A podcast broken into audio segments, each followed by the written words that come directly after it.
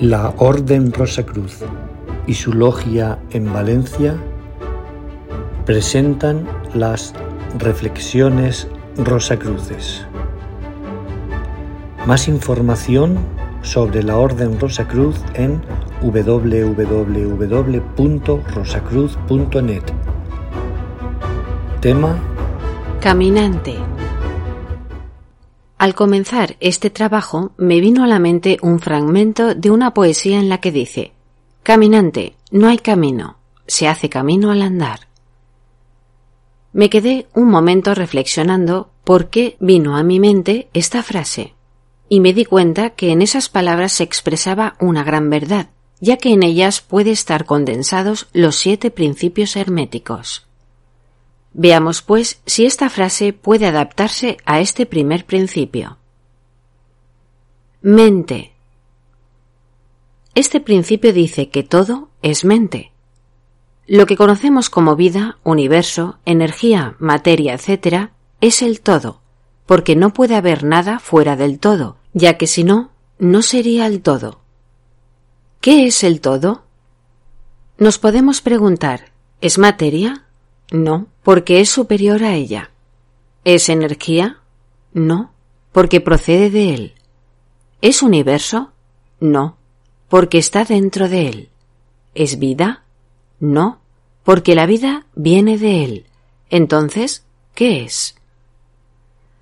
Solo podemos concebirlo como mente, una mente viviente infinita, por comparación a una vida, y mente finita ya que sólo por comparación se puede entender. Esto nos revela que todo el mundo o universo fenomenal como conjunto y en sus partes o unidades simplemente son una creación mental que tiene existencia en la mente del todo, en cuyo seno vivimos, nos movemos y tenemos nuestro ser eternamente. En verdad, el todo es como el caminante, hace camino al andar. Correspondencia. Este principio dice, como es arriba, es abajo, como es abajo, es arriba. Si reflexionamos un poco sobre este antiguo axioma, nos percataremos de que se corresponde muy bien con el famoso fragmento de la poesía, ya que este principio nos indica que siempre hay una correspondencia entre las leyes y fenómenos de los diversos planos de la existencia. Este principio es de aplicación y manifestación universal en los diversos planos existentes, material, mental y espiritual. Es una ley universal, por lo que se deduce que si el hombre es una creación mental de Dios y es hecho a imagen y semejanza del mismo, por este principio de correspondencia, igualmente el hombre puede crear en su propio nivel de vibración. Por lo tanto, en este principio también podemos aplicar la frase ya que el caminante es el que hace el camino al crear su destino. Vibración. Todo está en movimiento, todo vibra, nada está en reposo. Este principio indica que las diferencias entre manifestaciones diferentes de materia, energía, etc., son resultado de frecuencias de vibración variables. Desde el todo, que ese espíritu puro, hasta la forma más grosera de materia, está en vibración. La vibración del espíritu es de una intensidad tan fuerte que prácticamente está en reposo, y en el polo opuesto, o sea, en la materia, existen también formas cuyas vibraciones son tan bajas que parecen estar en reposo, como la piedra, por ejemplo. Y entre estos dos polos, por supuesto, existen a su vez millones de millones de grados variables de vibración, incluyendo los planos intermedios de energía, fuerza y mental. Si esta vibración, tal y como se ha demostrado, es constante y genera movimiento, bien se le puede aplicar la frase se hace camino al andar. Polaridad. Todo es dual. Todo tiene dos polos, todo tiene su par de opuestos. Los opuestos son idénticos en naturaleza, pero diferentes en grado. El hombre ha reconocido siempre algo similar a este principio, expresándolo por medio de dichos y máximas tales como todo es y no es al mismo tiempo. Hay dos lados para todo. Toda verdad es medio falsa, etc. lo que nos lleva a reconocer que el todo y los muchos son lo mismo, siendo la diferencia meramente una cuestión de grado de manifestación mental. Así la ley y las leyes son los dos polos de una misma cosa. Si lo aplicamos al plano material, lo podemos observar en múltiples aspectos, tales como el frío, calor, luz, oscuridad, este-oeste, blanco o negro, etc. Los términos no son absolutos. Normalmente llamamos a un extremo de la escala bueno y al otro malo, de acuerdo con el uso de los términos. Pero tengamos siempre en cuenta que por muy buena que sea una cosa, siempre habrá otra mejor y viceversa. En el plano mental ocurre de igual modo. Tomemos como ejemplo amor-odio.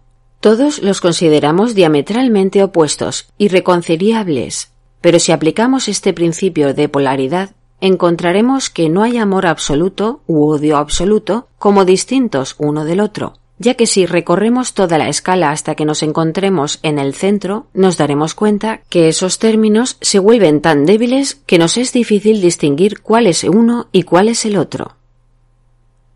Un conocimiento profundo de este principio nos puede capacitar para entender mejor nuestros propios estados mentales y los de los demás. Veremos que al ser solo una cuestión de grados podemos ser capaces de elevar o bajar la vibración a voluntad dejando de ser así esclavos de nuestros estados mentales, lo cual me recuerda que todos somos caminantes y hacemos el camino al andar. Ritmo.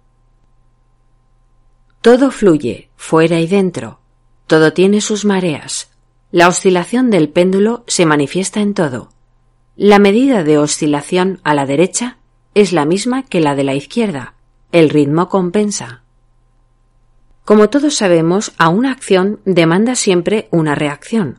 Esto es así en los asuntos del universo, de los mundos, de los hombres, de los animales, de la mente, de la energía y de la materia. Esta ley está manifiesta en la creación y destrucción de mundos, en la elevación y destrucción de naciones, en la vida de las cosas y, por supuesto, en los estados mentales del hombre. Si conocemos los anteriores principios y aprendemos a usar este principio, podemos adecuar nuestro ritmo polarizándolo en el punto en que deseemos que repose, pudiendo así neutralizar la oscilación del péndulo, que nos llevaría al otro polo si nos dejamos arrastrar por la inercia de dicho péndulo, el cual siempre está en movimiento. Esta exposición me confirma que realmente hacemos camino al andar si aplicamos conscientemente este principio. Causa y efecto. Toda causa tiene su efecto y todo efecto tiene su causa. Todo sucede de acuerdo con la ley. La casualidad no es sino un nombre para la ley no reconocida. Respecto a este principio, voy a remitirme a lo que dice el inspirador libro El Kibalión, ya que expresa de una forma sintetizada y muy clara este principio explica que todo sucede de acuerdo con la ley, que no hay tal cosa como la casualidad, que mientras hay diversos planos de causa y efecto dominando los planos superiores a los inferiores, a pesar de eso, nada escapa a la ley. Las masas de gente normalmente son conducidas obedientes al entorno, a las voluntades y deseos de otros más fuertes que ellos, a la sugestión y a otras causas externas que les mueven de un lado para otro como peones en el tablero de ajedrez de la vida.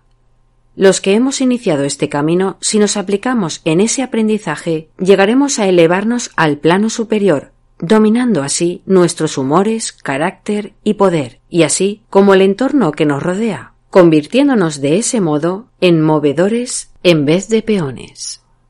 Concurriremos así a jugar el juego de la vida en vez de ser jugados y movidos por la voluntad de otros. En lo dicho anteriormente se refleja que aprendiendo se hace el camino hacia un estado superior. Género. El género está en todo. Todo tiene su principio masculino y femenino. El género se manifiesta en todos los planos. La palabra género se deriva de la raíz latina que significa engendrar, procrear, generar, crear, producir. Sabemos que hay un género manifestado en toda cosa. los principios masculino y femenino están presentes no solo en el plano físico, sino también en el plano mental y espiritual. El principio de género trabaja siempre en la dirección de la generación, la regeneración y la creación. Toda persona y toda cosa contienen los dos elementos dentro de sí. En el plano físico el género se manifiesta como sexo, en los planos superiores toma formas más sutiles, pero el principio es siempre el mismo. Ninguna creación física, mental o espiritual es posible sin este principio. En el plano mental nos encontramos con la mente objetiva y mente subjetiva. Aquí podemos afirmar que el principio masculino corresponde a la mente objetiva, mente consciente o mente activa, y que el principio femenino de la mente corresponde así a la mente subjetiva, mente involuntaria, mente pasiva. Cuando decimos yo soy, al principio parecen ser las palabras finales de la conciencia, pero si profundizamos en ellas podemos descubrir que este yo soy puede ser separado en dos partes o aspectos distintos. Al principio puede haber un solo yo, pero tras un examen más cuidadoso nos damos cuenta que en ese yo existe un yo y un mí. El yo representa la parte masculina del género mental, el mí representa el principio femenino. El yo representa el aspecto de ser y el mí el aspecto de venir a ser. El principio femenino conduce al trabajo de generar nuevos pensamientos, conceptos, ideas, etc., mientras que el principio masculino se contenta con el trabajo de la voluntad en sus variadas fases.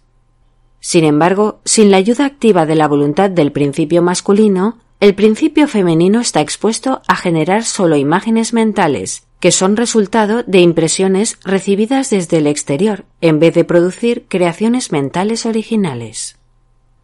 ¿Cuántos pensamientos o acciones originales son ejecutados por las personas corrientes? ¿No son la mayoría de las personas menos ecos de otras que tienen voluntades o mentes más fuertes que ellas? El problema es que la persona corriente reside del todo en su conciencia de mí y no realiza una cosa tal llamada yo. Si queremos pensar en estas enseñanzas, aprenderemos que en todas las manifestaciones creativas sobre los planos espirituales, mentales y físicos está siempre este principio de género.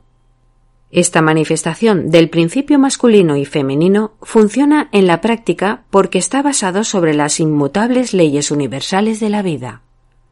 Nosotros, estudiantes del camino, podemos llegar a ser maestros de nuestra vida si no dejamos de caminar.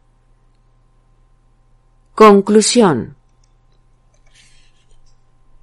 Después de esta exposición he llegado a la conclusión de que estos siete principios que parecen ser independientes entre sí realmente están indisolublemente unidos, ya que para que uno de ellos pueda manifestarse necesita de los demás en mayor o menor medida. Como es arriba, es abajo, como es abajo, es arriba. Caminante, no hay camino, se hace camino al andar. Que la paz profunda esté siempre con ustedes. Más información sobre la Orden Rosacruz en www.rosacruz.net